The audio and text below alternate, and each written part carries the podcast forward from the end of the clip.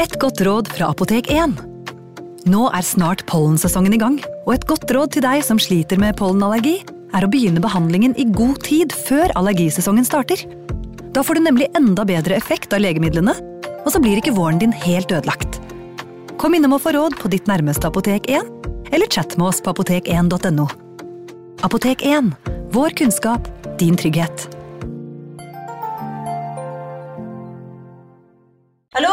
Jeg kommer fra Oslo politikammer. Ine Jansen er purk. Er du purk? The motherfucking bitch. Alt jeg vil, er å finne ut hva som skjedde med mannen min. Jon Carew. Er jeg sikta for noe? Iben Akeli. Det er du. Ole So, Lars Berrum og Big Daddy Karsten. Hvem sin side er du på, egentlig? Anette Hoff, Tone Danielsen, Kommer du fra Afrika? Jørnis Josef, Nesten. Kløfta. Trond Espen Seim, Det er synd å si det, men det var feil mann som døde. Purk. Premiere tirsdag på TV2 Play. Advarsel. I denne podkasten vil du høre historier basert på informasjon programlederne har funnet selv. Programlederne står ikke nødvendigvis inne for meninger og syn som fremstilles. Noen påstander kan avvike fra virkeligheten.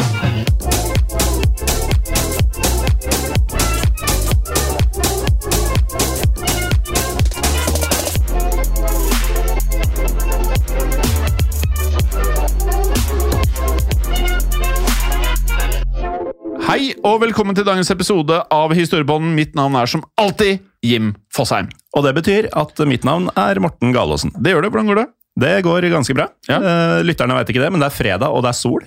Ja, det er eh, veldig godt vær i dag. Mm. Det er første gang jeg i 2022 ser deg med ikke langbukse. Ja, og det betyr ikke at jeg sitter her i undertøy. Ja, det er Eh, inderlig godt. Men det er, det er første gang i år at jeg også ser meg sjøl i kortbukse eller shorts. Ja. Og det er jo alltid litt sånn ubehagelig å Ja, se hvor brun- hvite beina har blitt i løpet av vinteren.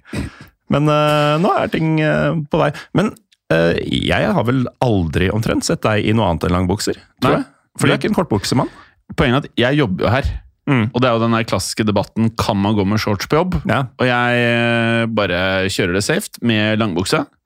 Og så har jeg vel hatt med en og annen shorts i sekken.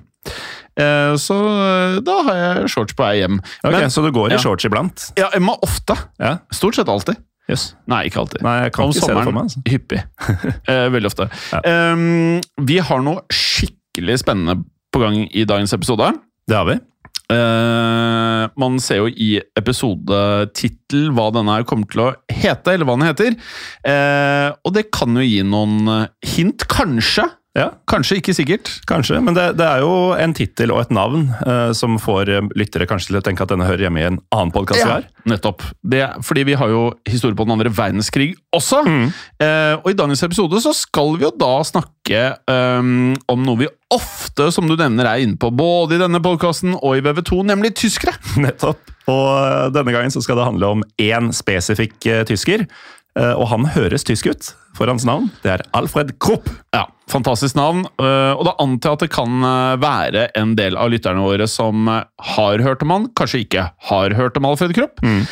Men vi har faktisk nevnt navnet Krupp tidligere. Det har vi. Ja, og jeg har jo en tendens til å av og til gå litt i surr i hvilke av podkastene vi har eh, nevnt han. Jeg tror både du og jeg har det. Ja. Jeg ville blitt overraska om ikke lytterne også gjør det.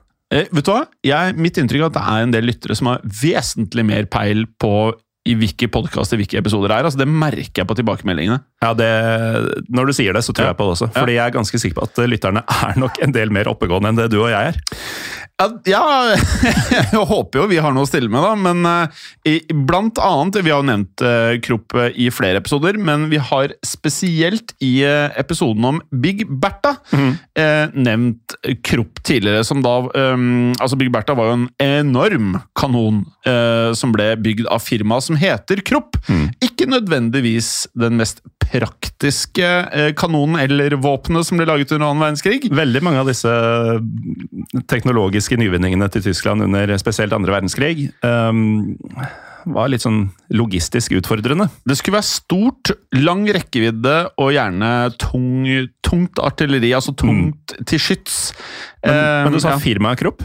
Ja, for dette selskapet var nemlig et av Tysklands aller største eh, firmaer innenfor våpenproduksjon, både under ikke bare annen verdenskrig, men også første verdenskrig. Det er riktig, så det er jo et langt tidsspenn bare det, og Krupp-firmaet finnes faktisk fortsatt, altså den dag i dag. Hvis man f.eks. har stått i en heis, som mange kanskje har opplevd i løpet av livet, så har man kanskje lagt merke til at en del heiser er markert med navnet Thyssen Krupp. Ja. Eh, Og I dag er nemlig dette et av verdens største stålselskaper, som bl.a. produserer store mengder da heiser. Og i dagens hovedperson er jo da den ene av disse, nemlig Alfred Krupp, eh, som også var mannen som i sin tid eh, bygde opp dette selskapet, da. Og som vi skal høre, så var Alfred en eh, mildt sagt spesiell type. Eh, siden han produserte så mye våpen, så fikk han annet kallenavnet Der Kanonekönig, som da rett og slett er eh, Det betyr kanonkongen. Ja. Og i tillegg så hadde han en forkjærlighet for Hestebæsj. Ja. Ja. Så altså, Du sier han er en spesiell type. Det, det blir jo ofte litt spesielle typer og kvinner eh, Ja. som vi drar fram i disse podkastene.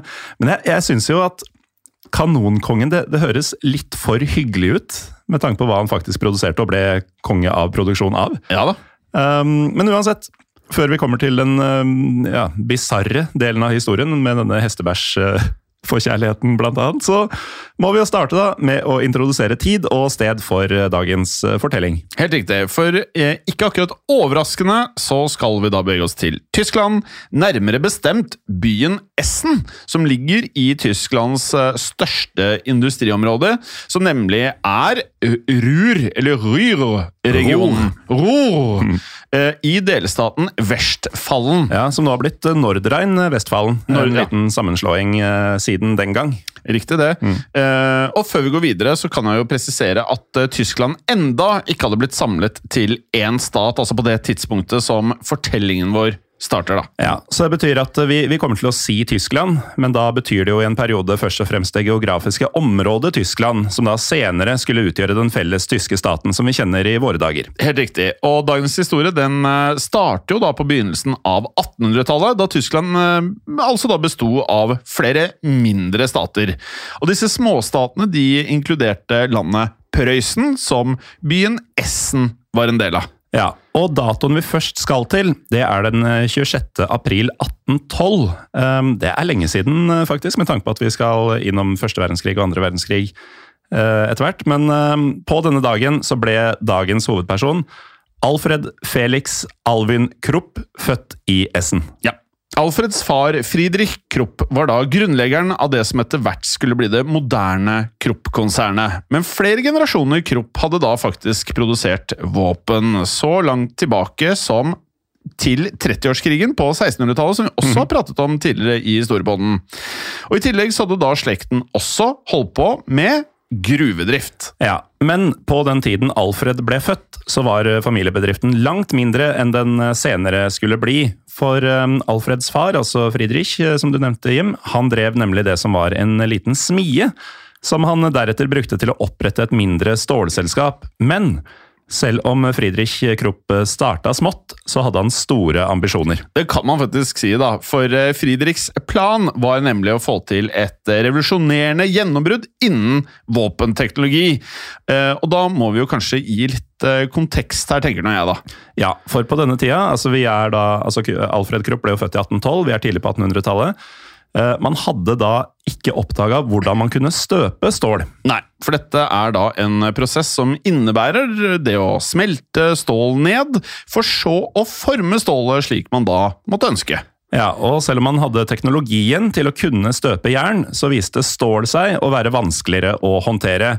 Ettersom stål da var et langt sterkere materiale, så krevde det nemlig høyere temperaturer for å kunne smeltes, og da snakker vi, da snakker vi varmt hjem. Altså opp til 1600 grader celsius. Ja, Noe som da selvfølgelig var en utfordring med tanke på datidens teknologi spesielt. Eh, og det var faktisk kun britene som på dette tidspunktet hadde lyktes med å støpe stål. Eh, men britene de nektet deretter å dele denne kunnskapen. Eh, så andre land var jo ikke klar over hvordan de nøyaktig gjorde dette. Nei. Og på grunn av nettopp det, så var de aller fleste europeiske kanoner som da ble brukt på starten av 1800-tallet, ikke laget av stål, faktisk. Nei, i stedet så benytta mange land seg fortsatt av jern og bronse, og siden dette var svakere materialer enn stål, så hadde disse kanonene dårligere rekkevidde og slagkraft enn stålkanonene som britene kunne finne på å lage. Og av det da langt svakere materialet, så kunne også jern- og bronsekanonene finne på å rett og slett eksplodere hvis og når de da ble overopphetet, eller dersom det oppsto sprekker gjerne i disse kanonrørene. da. Ja, eh, som også foregikk. Um, og Derfor så ville det å lage fungerende kanoner av stål representere et eh, teknologisk eh, gjennombrudd. For eh, stålkanoner de ville nemlig tåle høyere varme, noe som ville forhindre slike ja, arbeidsuhell, eh, eller hva du vil kalle det. Eh, I tillegg til at de da ville ha bedre rekkevidde og bedre ildhastighet, noe som selvfølgelig da kunne gi en militær fordel.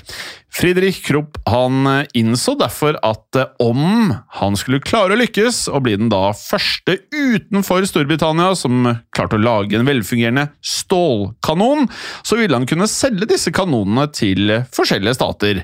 Noe Friedrich da håpet skulle gjøre ham eh, til en velstående og også en person for historiebøkene. da. Ja, og mange som håper at de skal bli rike, opplever jo fort noe helt annet. Og det gikk ikke helt som planlagt for Friedrich, for han eh, kjørte rett og slett firmaet sitt rett i grøfta. Han gjorde det. I 1811 så grunnla nemlig Friedrich en stålfabrikk som han da kalte Krupp Gursdal-fabrikk, altså rett og slett da Krupps stålstøpefabrikk. Og her klarte Friedrich etter hvert å gjøre store fremskritt i forsøket på å da støpe stål. Men samtidig så brukte Friedrich så mye av tida si i fabrikken at det gikk på bekostning av andre deler av familiebedriften. Noe som da resulterte i at bedriftsøkonomien gikk skeis. Er riktig det. Eh, hvis vi da spoler litt frem til 1826, så ble situasjonen enda verre. Eh, og da hadde Friedrich eh, blitt 39 år gammel. Og eldre skulle han ikke bli. Nei, for han døde! Eh, og det er relativt ung alder. Mm. Det er vel det du blir Om et år. om et år. Eh, og dødsårsaken skal da ha vært en oppsamling av væske i brystet til Friedrich. Noe legen hans da refererte til som der Brustwassersucht. Ja, Og dermed ble hele familiebedriften arva av dagens hovedperson Alfred Krupp. Ja, som på dette tidspunktet kun var 14 år gammel. Alfred han, eh, han avbrøt rett og slett eh, skolegangen for å ta over familiebedriften sammen med moren Therese. Og senere skal da Alfred ha sagt at det eh, dermed ble keine Zeit für Lektüre, Politik und dergleichen. Ja. Og det betyr da noe sånt som at det ble ingen tid til lesing, politikk og den type ting. Nei. Og ifølge Alfred så ble ambolten som han da jobbet ved i fabrikken, i stedet det han anså som skrivebordet sitt. Eller som han selv sa det, det ambost var mein Schweißbitch. Det er vel ikke helt det Nei. som sto? Ja, det står Der ambost var mein Schweinbitch. Det er ikke så lett å si, altså. Schreibtisch. Bra, Morten. Ja, og det var jo egentlig mer eller mindre lett for meg å si, siden jeg har fått muligheten til å se på dette et par ganger, mens Ja. du har sagt andre ting. Ja. Uansett, eh, for å betale ned gjelda som Friedrich Krupp hadde opparbeida seg, så skal Alfred og Therese ha levd meget eh, sparsommelig. Og Alfred han beskrev senere hvordan han i løpet av denne tida kun levde på og dette er kanskje det tyskeste jeg noensinne har hørt. Levde kun på brød, poteter, kaffe og små porsjoner med kjøtt. Ja. Men likevel så fortsatte Alfred og Therese å forsøke å produsere stål, i tråd med da Friedrichs eh, sin visjon for familiebedriften. Noe som lenge ga svak avkastning. Mm. Ettersom da forretningene gikk eh, dårlig da for eh, selskapet, så jobbet Alfred eh, selv lange, lange dager på fabrikkgulvet sammen med de ansatte. Som det visstnok bare var to stykker av, etter hva vi kan forstå, Morten. For eh, da Alfred tok over fabrikken, så eh, var det på et veldig dårlig økonomisk tidspunkt. Yep. Og i løpet av de da første årene Alfred styrte Krupp Gursdal Hall-fabrikk, så var det bare så vidt det var penger til å utbetale de få lønningene som var. Ja, Det sier jo litt, da. To ansatte, og så er det vanskelig å få betalt dem.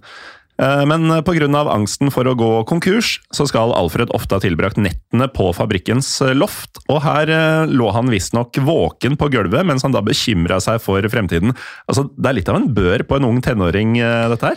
Ja, Og så har du droppa rett ut av skolen, og faren din døde, og det er, det er en røff eh, setting, altså. Um, men disse bekymringene da, de stoppa likevel ikke Alfred, som eh, etter hvert hadde meget eh, store planer. Ja, for etter å ha fullført arbeidsdagene på fabrikken, så brukte Alfred også nettene på å forske videre på stålteknologi. Så dette her er jo enorm dedikasjon, da. Ja, Og igjen, da, det er en fyr som droppa ut av skolen som Ja. 14-åring. Ja. Uh, Veit ikke om eh, Han må ha vært skrudd sammen av noen Ja. skikkelige saker, altså. Du skal jo da kunne forske på stålteknologi med, med det utgangspunktet. Men eh, pga. denne dedikasjonen da, så begynte det etter hvert å gå riktig vei for den arbeidsnarkomane Alfred, som etter hvert klarte å produsere stål som kunne brukes til jernbanelinjer, og det tjente han raskt eh, penger på. Mhm. Rundt 1830 så begynte da nemlig flere europeiske land å bygge ut eh, jernbanelinjer i stor, stor skala. Eh, som da selvfølgelig var godt nytt for eh, Kropp, eh, fordi etterspørselen etter stål var nesten umettelig. Ja, og det økte jo selvfølgelig også salget hos eh, stålprodusenter som Alfred Krupp. Åpenbart. Så Alfred han begynte derfor å selge eh, store kvanta, altså store bestillinger av støpt stål. Og visstnok så gikk de første bestillingene som han eh, mottok, til et område i Tyskland som het Hysøken in Hagen Hohelimburg. Har du merka at eh, du får all tysken i dag? uh, ja. Ja. Um, I hvert fall I eh, Huseken in Hagen Hohen Limburg så må kundene ha vært eh, fornøyde, ettersom det deretter ble større etterspørsel etter Alfred sitt stål. Ja, Her hjalp det også da at det hadde blitt eh, opprettet en felles tollunion eh, blant de forskjellige tyske småstatene. Og denne tollunionen, som da ble kalt Zollverein, gjorde det nemlig enklere å frakte jernbanelast på tvers av grenser. Ikke ulikt eh, hvordan EU i dag eh, faktisk fungerer. Ja, og Derfor så klarte Alfred snart å skaffe seg flere kunder utenfor Prøysen. Inntektene fra disse salgene brukte Alfred deretter til å utvide Krupp Gosdal fabrikk, og dermed vokste både produksjonen og ikke minst antall ansatte. Mm. Og For å holde litt orden på årstallene vi, Sist vi tok en sjekk, så var det 1830. Nå spoler vi frem til 1836. Og da hadde Alfred gått fra som vi pratet om tidligere, to ansatte pluss seg selv, som jobba på gulvet. Nesten ikke råd til å betale noe som helst av lønninger. lønninger. Nå var Alfred eh, sjef for 60 arbeidere på fabrikken. Ja, Og det er vel bare begynnelsen. Ja, det her er kun begynnelsen, ehm, for som vi senere skal få høre, så skulle dette tallet etter hvert bli langt høyere. Men til tross for at forretningene gikk utrolig godt, så hadde teknologien ennå ikke kommet langt nok til at Alfred hadde klart å lage det vi startet med stålkanoner. Nei, og det fortsatte han å arbeide iherdig eh, for å utvikle. I 1838 så bestemte Alfred seg derfor for å reise til Storbritannia for å spionere på hvordan britene gjorde dette her. Og Planen var å få tak i britiske industrihemmeligheter som kunne gjøre det mulig for Alfred å støpe stål. Altså Det er sånn holy grail, dette her. Ja, veldig. Veldig. Men for å på best eh, mulig vis eh, kunne lure til seg slike hemmeligheter, så innså Alfred at han eh, burde unngå å avsløre seg selv som tysker. Ja, og siden Alfred aldri hadde vært i utlandet, så bestemte han seg først for å øve seg på dette. Og Derfor så dro han til Paris for å bli komfortabel med å være hjemmefra. Noe han tilsynelatende ikke ble, etter hva vi kan forstå. For i løpet av tiden i Paris skal nemlig Alfred konstant ha sendt brev hjem til broren Herman, for å da forsikre seg om at Krupp-fabrikken ikke hadde brent ned, av Ja. alle ting. Nei, og akkurat den bekymringa kommer av at Alfred skal ha hatt en sterk fobi Ja. mot nettopp ild. Ja, Noe som jeg vet ikke hva du tenker, Morten, men kanskje litt upraktisk når eh, det de forsøker er å smelte stål i temperaturer på over 1500 grader, etter hva jeg har forstått? Ja, det er, um, det er- en pussig fyr vi Ja, snakker om ja, her. ja. Eh, og igjen, vi har bare begynt. Eh, men da Alfred da hadde forsikra seg om at Krupp Gosdal fabrikk ikke hadde brent ned, så følte han seg omsider klar for å reise til England. Men denne industrispionasjeturen skulle ikke bli noe særlig suksessrik. For å unngå å fremstå som en tysk industrispion, så bestemte Alfred seg for å ta i bruk et eh, falskt navn. Han valgte da et navn som skulle høres så britisk ut som overhodet mulig. Ja, Og måten han gjorde det på, var å skaffe seg et pass under navnet A. Krupp. um, og da er det Krupp, eller Krupp med C. Så han bytta rett og slett ut én bokstav i etternavnet sitt, um, K med C, og fjerna den ene av de to p-ene. Ja, uh, og her kan man jo stille et lite spørsmålstegn ved hvor uh, gjennomtenkt dette egentlig var, da. Ja, det kan man jo lure på. Uh, og I tillegg så tok Alfred med seg en prøyssisk venn ved navn Friedrich Heinrich Sølling.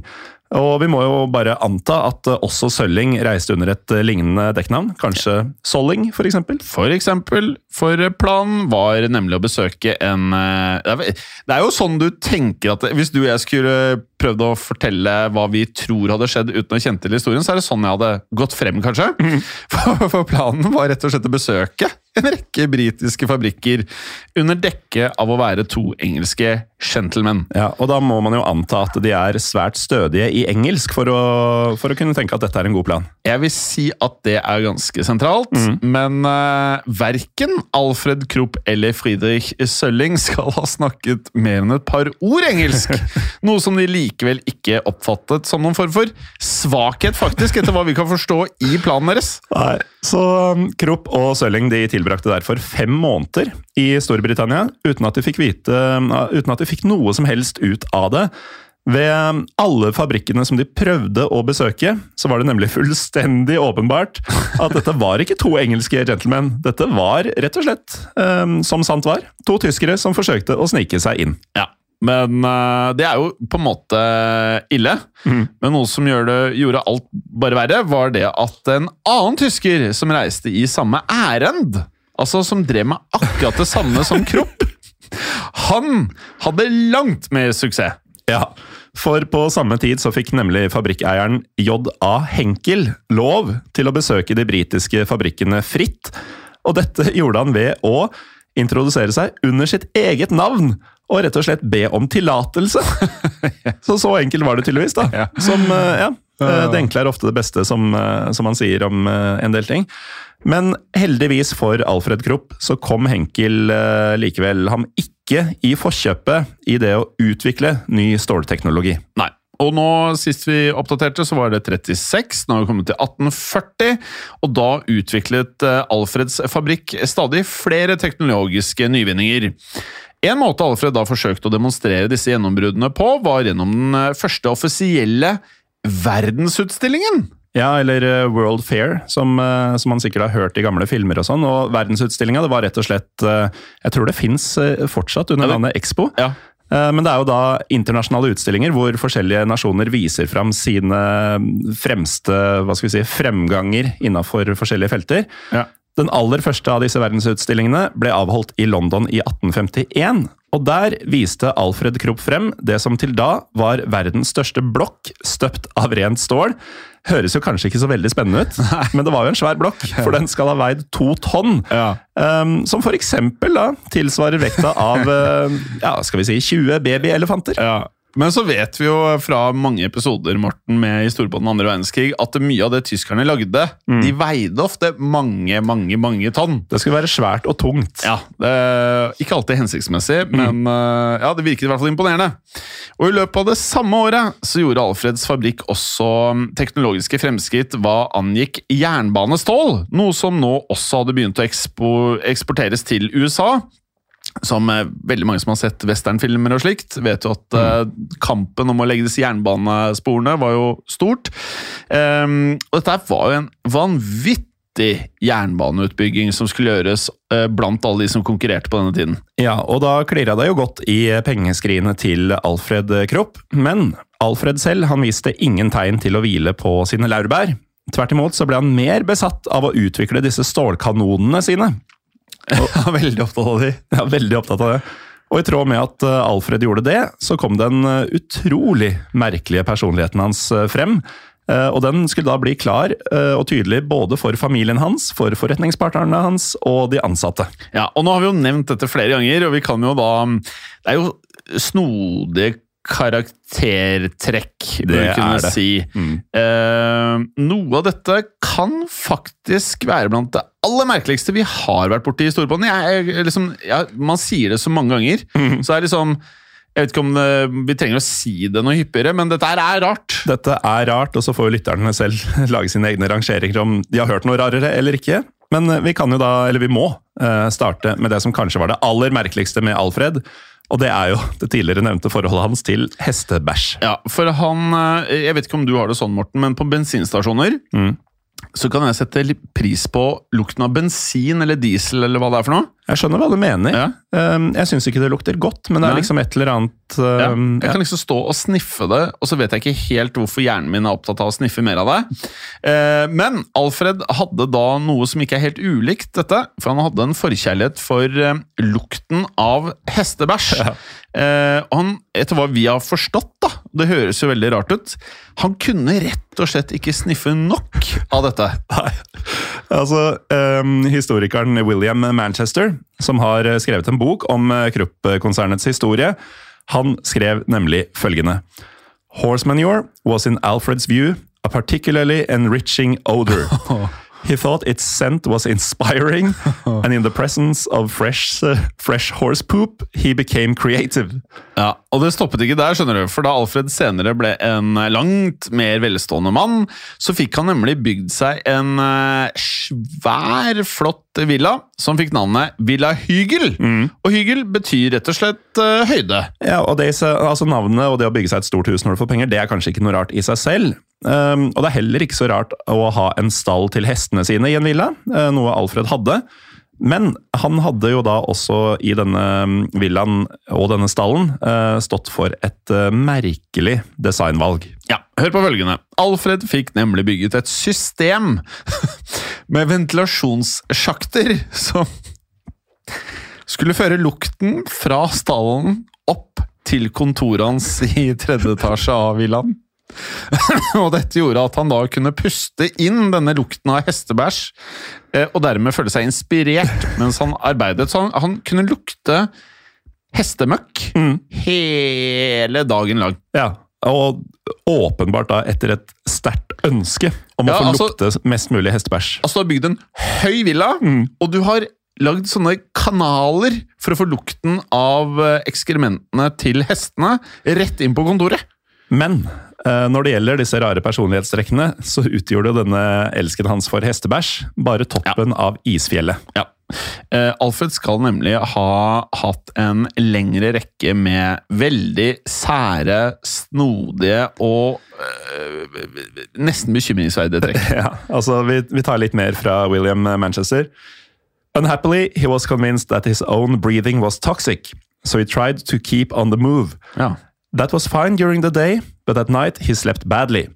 Yet his chronic insomnia, which uh, would have crippled another man, actually may have made Alfred more efficient. He was such a bundle of neurotic quirks that they seem to have supported one another. Ja. Det, og altså, på grunn av denne insomniaen da, som Alfred led av, så skal han ha vært eh, meget produktiv i løpet av eh, nattestimene. For visstnok så satt Alfred alltid våken om natten, og han jobbet på eh, for, forretningsnotater, utvikling av teknologi etc. Ja, og Dette har tydeligvis vært med ham siden barndommen. Altså, vi snakka om at han lå våken om nettene på loftet på fabrikken og bekymra seg for, for økonomien og sånn. Eh, Faktisk så skal Alfred Krupp ha lært seg å skrive i mørket. eh, Og det gjorde han siden han om natta ofte satt på huk under eh, dyna si mens han skrev. Og Visstnok så skrev Alfred så iherdig under denne dyna at han ofte ble svett mens han holdt på med det under, i, om natta. Ja, noe som da forklarer hvorfor det i dag finnes hele 30 000 forskjellige brev og notater skrevet av selveste Alfred Krupp! Ja. 30 000! 30 000 brev og notater. Ja. Eh, Og mange av disse notatene var jo ment for arbeiderne som jobba på Kropp Gosdal fabrikk. For eh, Alfred benytta seg nemlig hyppig av muligheten til å kunne gi tilbakemeldinger til de ansatte. Ehm, og en av de merkelige vanene hans skal faktisk ha vært å bevege seg gjennom fabrikken om natten, slik at han da kunne legge små lapper på arbeidernes eh, faste plasser mens de da var hjemme og sov. Ja, Så da arbeiderne da våkna og dukka opp på jobb, så fant de derfor ofte slike lapper som hadde blitt plassert i løpet av eh, natta. Og på disse beskjedene, som var skrevet med rask håndskrift, eh, altså han skrev jo så han ble svett, så delte Alfred enten ut ros eller kritikk for arbeidsinnsatsen. Ja, og det, det merksnodige med dette her var at det, det var ikke sånn at han gjorde det innimellom over et par år. For Alfred han holdt angivelig på med dette her i hele 50 år! Ja. Uh, og noe som er uh, bemerkelsesverdig med tanke da på at han nesten ikke sov. Det må ha vært en enorm påkjenning. Ja, altså Antagelig eh, så er det moren hans eh, Therese man kan takke for at Alfred eh, klarte å holde det gående. For hun skal nemlig ha tatt seg av alt av Alfreds husarbeid for han, som da inkluderte matlaging og det å re opp senga. Og man skjønner jo en fyr som jobber så hardt på dagtid og fortsetter å jobbe på nattestid, han, han kan ikke passe på seg sjøl ellers, vet du. Nei. Men Therese hun døde omsider i 1850. Og da savnet naturligvis Alfred å ha noen han kunne ha der for ham, som tok vare på ham, og derfor så bestemte han seg for å finne seg en kone! Eh, Og hvordan det gikk, skal vi høre om etter en liten pause. Velkommen tilbake. Før pausen så snakka vi om at eh, Alfred Krupp hadde bestemt seg for å finne seg en kone. Og den heldige var da en kvinne ved navn Bertha Eikhoff. Eh, Som Alfred da begynte å bombardere med kjærlighetsbrev, som han antagelig skrev om natta. Ja, vi tror det. Eh, og eh, for å beskrive disse følelsene, så skal da Alfred ha fortalt Bertha noe sånn som følgende, da. Wo ich glaubte ein Stück Gestalt sitzen zu haben, hatte ich ein Herz. Ja, Og det kan oversettes til Der jeg trodde jeg hadde ingenting annet enn et stykke støpt stål, hadde jeg et hjerte. Likevel så falt ikke Bertha helt pladask eh, her sånn. Eh, og heller ikke for Alfred. Til tross for dette så skal Bertha til slutt ha blitt så lei av Alfreds konstante kjærlighetserklæringer og frierier at hun likevel gikk med på å gifte seg med Alfred Krupp. Så i eh, 1853 så ble det derfor bryllup mellom den 41 år gamle Alfred og den 21-årige Bertha. Men det viste seg eh, snart at eh, ekteskapet ikke skulle bli lykkelig. Ja, Noe igjen eh, historikeren William Manchester eh, har forklart. Ja, eh, på følgende vis. Eh, Given Alfred's eh, temperament, domestic happiness was impossible. No one could live with such a man. He could barely stand himself. The match was doomed, and all that was left was to define the exact nature of the distress. Og likevel så skal Alfred ha vært så betatt av Bertha at han fikk eh, bygget en eh, ny villa til henne. Men Alfred han sørget da for at denne villaen ble plassert rett ved siden av Krupp Gursdal-fabrikk. Ja, og det er ikke sånn supermiljøvennlig, kanskje. Eh, ikke et sted du kanskje ønsker å bo, eh, med tanke på at det ofte velter tung fabrikkrøyk inn gjennom vinduene i villaen. Ja, Det kan jo lukte litt spesielt. Det kan lukte litt spesielt. Noe annet kunne han jo også sendt dit, hvis han ønsket. Det kunne han. Eh, Men uansett, denne tunge fabrikkrøyken var noe Bertha satte lite pris på. Ja, Det skjønner jeg. Samtidig så insisterte Alfred på å installere tungt maskineri i fabrikken sin. Og dette gjorde at villaen der Bertha oppholdt seg, jevnlig begynte å riste. Altså hele villaen sto ristet. Blant annet så skal brillene hennes ha blitt eh, knust, en gang da ristingen rett og slett gjorde at brillene bare hoppet bortover eh, nattbordet og falt og knuste. Så det er ille nok at du bor i et hjem hvor eh, altså, ting rister og blir knust, og det, det er tung røyk inn gjennom vinduene. Men Berthas aller verste frykt det var å måtte tilbringe ekstra tid med Alfred. Fordi hun hata visstnok å snakke med ektemannen sin. Um, men Alfred derimot, han stortrivdes han i Berthas eh, selskap. Noe som gjorde at han bestemte seg for å tilbringe ekstra tid hjemme i villaen. Og dermed begynte Bertha å kjenne på behovet for en aldri så liten utflukt. Ved en anledning så skal Bertha derfor ha bedt om at Alfred tok henne med på en konsert. Noe som da fikk Alfred til å svare at uh, dette var komplett umulig, ettersom han hadde um, mye å ta seg av på fabrikken eh, dagen etter. Ja, Men han uh, sørga jo da for å legge til Alfred at uh, lyden av fabrikkmaskineriet ville gi Bertha mer musikk als wenn alle Geigen der Welt spielen. Eh, altså, lyden av fabrikkmaskineriet vil gi deg mer musikk enn når alle verdens fioliner spiller. Ja, jeg, jeg, nå, eh, Du og jeg er jo single. Ja. Eh, Så vi har jo ingen der hjemme Vi vet jo ikke helt hvordan dette ville falt i smak. Vi, vi kunne jo egentlig testa det ut der hjemme, men uten at vi har muligheten til det, så føler jeg meg ganske sikker på at dette var, ville vært noe ingen hadde tatt imot med noe sånn spesielt med begeistring. Nei, altså Bertha var vel mildt sagt på, på gjerdet når det gjaldt dette forholdet fra før, og det kommer kanskje da ikke som en overraskelse at hun etter hvert valgte å flytte ut. Ja, for etter å ha født Alfreds sønn, som da fikk navnet Friedrich Alfred Krupp, altså far og bestefar sine navn slått sammen, sammen, så skal eh, nemlig Bertha ha blitt syk, noe som kan ha vært forårsaket av det psykiske stresset som hun angivelig ble påført gjennom å bo sammen med Alfred Krupp. Ja, eh, Den samme Alfred Kropp som nå sørga for å oppkalle den største og aller mest bråkete av trykkhammerne sine på fabrikken.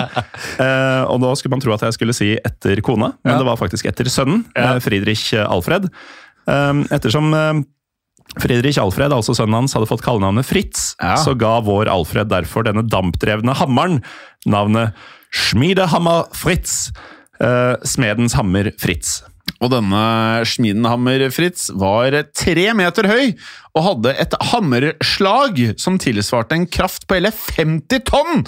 En kraft som gjorde at den ble regnet for å være et industrielt underverk. Ja, og takket være et nytt eh, nattskift som Alfred innførte på Krupp Gosdal fabrikk, så dundra Schmiedehammer Fritz nå løs døgnet rundt. Ja, Og dette ble da rett og slett dråpen for Bertha, som ble så syk og stresset av bråket at hun tok med seg sønnen og sjekket inn på et helsespa. Ja, Et helsespa som Bertha faktisk aldri vendte hjem fra.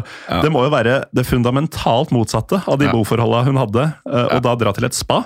Ja, Eh, Og merkelig nok da, hun trivdes såpass mye bedre med spatilværelsen at eh, hun tilbrakte resten av ekteskapet med Alfred på forskjellige spasteder rundt om i Europa. Og på Alfreds eh, regning, da, vil du merke. Ja. Likevel så insisterte Alfred på å eh, opprettholde kontakten ved å sende Vi vet jo han var glad i å sende brev. Hele 30 000, og inkludert notater. Så eh, sendte han mye brev til Bertha. Eh, hun var likevel, eh, etter hva vi kan forstå, eh, entusiasmen hennes hadde ikke steget noe særlig. Nei. Hva angikk å svare på Alfreds brev, så var det veldig lite hun bidro med der, da. Ja, jeg tror ikke Bertha skrev 30 000 brev i løpet av livet sitt, for å si det sånn. Men Berthas korte svar, i den grad hun sendte svar, gjorde ikke at Alfred tok hintet om at kona hadde blitt lei av han. I stedet så fortsatte Alfred å skrive, i tillegg til at han besøkte Bertha og Fritz når eh, pliktene ved fabrikken tillot at han kunne reise. Men det var først og fremst familiebedriften som forble Alfred Krupps eh, hovedfokus. Og der gikk det jo strålende! I 1857 hadde nemlig Krupp-selskapet vokst seg så stort, og eh, vi må da eh, bare minne om eh, Når han tok over, så var det han pluss to arbeidere på gulvet. Ja, og etter et eh, relativt stort gjennombrudd så var det 60 ansatte. Ja, Nå er vi i 1857, så har Alfred bikket 1000 fabrikkarbeidere. Ja, og da skjønner man jo at eh, firmaets økonomi er på trygg grunn, og da kunne Alfred vie seg til utviklinga av kanonteknologi, som han endelig fikk gjennombruddet sitt eh, innenfor. Ja, Alfred han utviklet nemlig en serie stålkanoner med såkalte bakladere. Det vil si at eh, i stedet for å lade kanonene manuelt, ved å da eh, på en måte klargjøre røret forfra etter hvert skudd, så kunne Alfreds kanoner simpelthen åpnes bakfra ved hjelp av en eh, smart eh, luke. Ja, og i den luka så kunne man da raskt legge inn en ny ammunisjon, og det er jo en løsning som fortsatt brukes i dag. Helt riktig. Og dette muliggjorde en langt større ildhastighet, som var utrolig viktig, enn det som tidligere hadde vært mulig da, i tillegg til at Alfreds kanoner var langt mer presise. Likevel så hadde Alfred eh, faktisk eh, først problemer med å få solgt disse kanonene, til tross for at han iherdig forsøkte å selge dem til flere land. Så var det nemlig få som trodde at de faktisk kom til å fungere, ettersom denne typen teknologi aldri hadde blitt testa i praksis. Men eh, Alfred han eh, fortsatte å produsere de nye kanonene, han. Eh, Og han skal så ha gitt en av de til gave til kong Friedrich Wilhelm av Prøysen. Uten at kongen innså etter hva vi kan forstå, våpenets virkelige potensial. Nei, det kan du si, for i stedet så brukte Friedrich Wilhelm kanonen som dekorasjon. Ja. Og kongens bror, som også het Wilhelm, han la derimot bedre merke til denne kanonen. Ja, for Wilhelm skjønte nemlig at dette var et våpen som kunne gi Prøysen en militær fordel.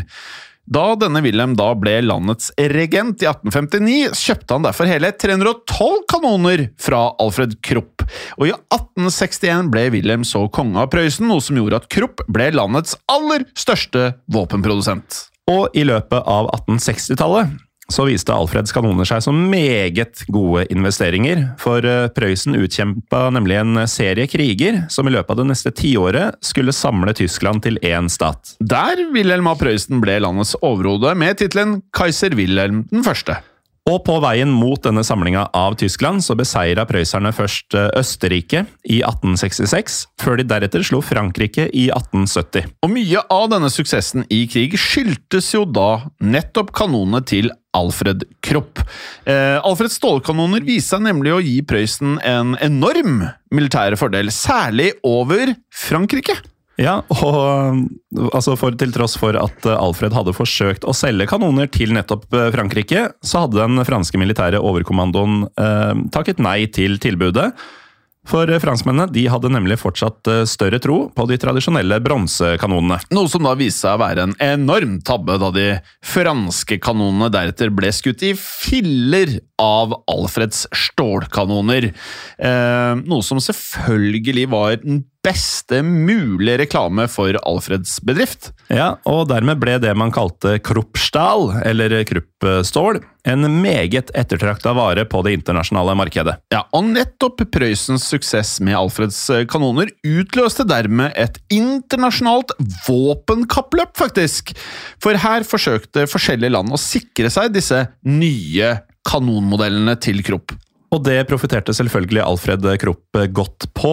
Eh, hver gang han utvikla en ny modell, så måtte nemlig forskjellige land kjøpe den siste kanontypen hans. Ellers risikerte man jo å havne bakpå, eh, altså bak potensielle rivaler, i dette våpenkappløpet. Ja, eh, og bedriften gikk med andre ord ikke bare bra, altså kunne nesten ikke gått bedre. Mm. For nå solgte jo da Alfred våpen ikke til ett, ikke til to, ikke til tre land, men til 46 land! Mm -hmm.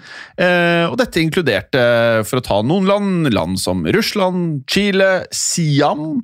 Eh, og av denne grunn så fikk Alfred kallenavnet Der Kanonen König, altså mm -hmm. kanonkongen, som også er i tittelen på episoden. Men Morten, selv om forretningene gikk strålende, så hadde ikke Alfreds privatliv blitt eh, mindre eksentrisk, for å si det mildt, med årene. Nei, vi nevnte jo tidligere at eh, Alfred hadde bygget den såkalte Villa Hugel, eh, med luftekanaler fra stallen til eh, kontoret. I 1873 så sto denne villaen omsider klar, og inneholdt da 269 rom. Og siden kona Bertha fortsatt oppholdt seg på forskjellige spasteder, så bodde nå over 60 år gamle Alfred der alene med tjenerne sine. Ja, og dit skal han noen ganger ha invitert eh, gjester også, blant annet forretningspartnere som da kunne finne på å overnatte der. Men det mange ikke visste, var at Alfred også hadde fått bygd en serie med hemmelige ganger i denne villaen. Og det er så sykt når han, han bor der aleine. Ja, det er, eh, det er, spesielle ting, dette her. Og, og slik så kunne han da bevege Han bodde der alene med kun tjenerne, og han ville ha disse hemmelige gangene for at han da kunne bevege seg usett gjennom forskjellige rom og korridorer. Ja, og det, det, her er jo sånn man tenker et lite barn hadde tatt glede av det der. Det er jo det. Eh, og det å bevege seg usett eh, gjennom disse korridorene, det gjorde han da særlig om natta, da han da, som vi har nevnt, stort sett var lys våken. Og vi har jo nevnt at en av de tingene han gjorde da han var lys våken om natta, Jim, det var å skrive. Ja, og tenk deg, det å være usett om natten når andre sover, det er jo på en måte ja. Det er ikke det viktigste hadde jeg jeg da. men uansett. For um, det, det, var jo noe praktisk som lå bak disse hemmelige gangene, da. Ja, da. For en ting han faktisk brukte gangene til Vi nevnte jo til at han var jo uh, på vei til å drive med litt spionasje. Ja. Uh, det Alfred angivelig skal ha gjort, var å spionere på gjestene sine ved hjelp av disse skjulte korridorene. For mens gjestene sov, så snek han seg nemlig inn på soverommene deres og etterlot små lapper der også. Og disse inneholdt da kommentarer om hva Alfred enten likte eller mislikte ved gjestenes oppførsel. Ja, Så gjestene kunne jo da våkne om morgenen og finne en lapp om eh, hva Alfred syns om deg. Ja. Og da kan man jo kanskje se for seg at terskelen kan ha blitt ganske høy da, for å overnatte mer enn den ene gangen. Ja, Hvis det er positive ting, så i det minste Ja, ok, det er en mann inne på rommet ditt, men det er i hvert fall noe hyggelig som møter deg. Men hvis det er en fyr som sniker seg inn på rommet ditt, og i tillegg sier noe ikke hyggelig, så Ja. I'm out of there. Men til tross for denne svært eksentriske oppførselen, så gjorde Alfreds eh, posisjon som da Tysklands ledende våpen- og stålprodusent at han likevel ble enormt respektert i sin samtid. Ja, og Essen, der Krupp Gosdal fabrikk lå, ble faktisk en så stor industriby takket være bedriften til Alfred at den nærmest ble en egen stat inni den tyske staten. Arbeiderne til Alfred, som ble kalt kruppianere, skal også ha vist eh, enorm lojalitet ovenfor eh, Alfred, faktisk i så stor grad at de nærmest betrakta Alfred som en felles far. Ja, Alfred han forsto nemlig rollen som bedriftsleder svært godt. Eh, som en slags eh, farsrolle for arbeiderne sine. Eh, og Derfor så bygget Alfred hus der arbeiderne kunne bo, samtidig som bedriften hans eh, sto for gratis eh, helsetjenester. I tillegg ble det også oppretta forsikringsordninger for Krupps ansatte. Men vi må igjen understreke at Alfred på ingen måte var en liberal type. På sine eldre dager skal han nemlig ofte ha klaget over det han da refererte til som liberalister, sosialister også jøder, og uttrykt et ønske om at Tyskland trengte en sterk leder som kunne ta et oppgjør med disse gruppene. Noe som kanskje beskriver det som eh, skjedde senere da Hitler kom til makten i Tyskland. Ja, det høres jo veldig likt ut, men eh, det skulle Alfred eh, aldri få oppleve. For i 1887 så døde omsider Alfred Felix Alvin Krupp i en alder av 75 år. Ja, Han hadde da forvandlet eh, Det er jo vanvittig hva han fikk til! Ja. Eh, For familiebedriften den ble jo forvandlet fullstendig. Og under Alfreds styre så gikk da nemlig Vi har jo pratet om at han fikk over 1000 ansatte. Eh, Nå kommer et lite byks her. For Krupp-konsernet gikk da fra de første to, som vi nevnte, til 75 000 ansatte! Og da snakker vi en ganske stor norsk by. Ja, faktisk hele 10 000 flere mennesker enn f.eks. Kristiansand, som regnes for å være en eh, ja, rimelig størrelse på en by i Norge. Sånn topp fem-seks, tror jeg. Ja, eh, og I løpet av Alfreds liv så hadde da selskapet også produsert og solgt hele 24 576 kanoner. Ja. Det er meget. Det er en god del. Og etter Alfred så ble mm, Krupp-bedriften arvet av eh, sønnen, tidligere nevnte Fritz, som eh, deretter eh, drev selskapet videre inn på 1900-tallet. Og som vi nevnte, så lever bedriften fortsatt i beste velgående. Ja, for du nevnte jo tidligere at um, på heiser skulle man se at det sto ThyssenKrupp. I 1999 så slo nemlig Krupp-konsernet seg sammen med selskapet Thyssen, eh, som da ble til ThyssenKrupp. Og per dags dato er dette en av verdens da ledende og også største stålprodusenter med over 100 000 ansatte, og en omsetning på rundt 340 milliarder kroner. Eh, og da selvfølgelig, i og med at vi er eh, ikke engang i midten av 2022, så prater vi om da eh, finansåret 2021. Ja, og det er jo en eh, såkalt svimlende sum. Ja, det er meget. Det er det. Ja.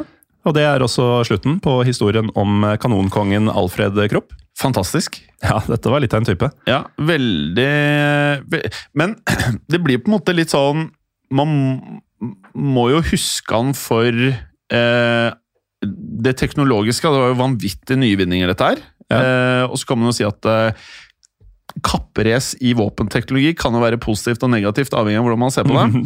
Men det er ingen tvil om at han har satt sine spor i historiebøkene. Absolutt ingen eh, tvil.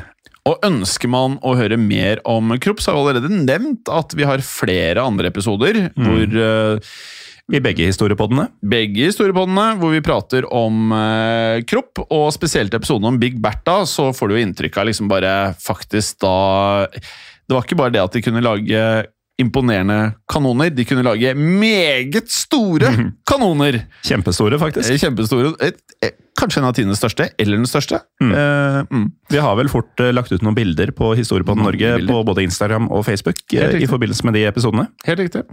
Eh, og da er det jo Historie på Norge. Du går inn for å sjekke ut disse. Ellers kan du bli en del av Historie for alle, altså Ja. Facebook-gruppen vår. Det kan man. Eh, Da blir du en av eh, mange tusen, faktisk. Vi er, vi er ikke oppe i 75 000 holdt på å si, ansatte Vi med i, to. i gruppa. Vi starta med to. Og Så ble vi var- 1000, Mm. og så skal vi bli 10 000. Ja. Eh, Det er vi ikke ennå. Nei, vi så, ikke. så der er det opp til deg som hører på nå, å bli med og justere tallet vårt litt oppover. Veldig bra. Og fortsett med å komme eh, med alle de fantastiske forslagene til eh, episoder. Det aller meste av det dere kommer med, går faktisk rett inn i Excel-arket, altså. Ja, eh, det meget svære Excel-arket. Det snart uendelige Excel-arket. Vi bruker jo Google Sheet, Ja. så jeg, jeg har forstått som at det nesten er uendelig. Men eh, ja, vi får se. Det er uendelig, eh, så selv om det er eh, altså enormt allerede, så betyr det at det er plass til flere forslag i det. Helt riktig. Og vi justerer jo litt avhengig av hvor gode forslagene er, og hvor spennende det er, og hvor mye det passer til tiden, så justerer vi det opp og ned. Tusen takk for at du hørte på oss i eh, Historiepodden. Sjekk ut Historiepodden andre verdenskrig hvis du ønsker mer. Eh, og med det, Morten, så kan vi også eh, legge til at vi håper at alle nyter det fine været. Det kan vi, eh, som det er i hvert fall mens vi snakker nå. ja. Eh, Så bor vi i Norge, da. Ja, Så, ja. Alt kan skje. ja. Eh, Og det har skjedd. Og det kan skje igjen! Yes. Ha det bra. Ha det. Historiepodden ønsker å takke følgende. Dere som hjelper oss som sitter i produksjonen. Dere som hjelper oss som sitter i redaksjonen, inkludert eh, tekstforfattere. Det er Helt riktig. Og dere som sitter på marked, som faktisk da gir oss muligheten til å drive med Historiepodden. Og selvfølgelig alle dere som hører på. Tusen takk. Moderne media. Har du et enkeltpersonforetak eller en liten bedrift? Da er du sikkert lei av å høre meg snakke om hvor enkelt det er med kvitteringer og bilag i fiken, så vi eh, gir oss her, vi. Fordi vi liker enkelt. Fiken superenkelt regnskap. Hei, og takk for at du lytter til Historiepodden. Skulle du ønske at du kunne høre en ny episode av Historiepodden hver eneste uke? Vel, da er det én ting å gjøre. Da kan du laste ned podkastappen Untold med det samme. For i tillegg til ukentlige episoder av podkaster som Historiepodden andre verdenskrig, Henrettelsespodden og også Gangsterpodden, så får du masse annet reklamefritt og også eksklusivt innhold. Last ned Untold i AppStore eller Google Play og start din 30 dagers gratis prøveperiode allerede i dag.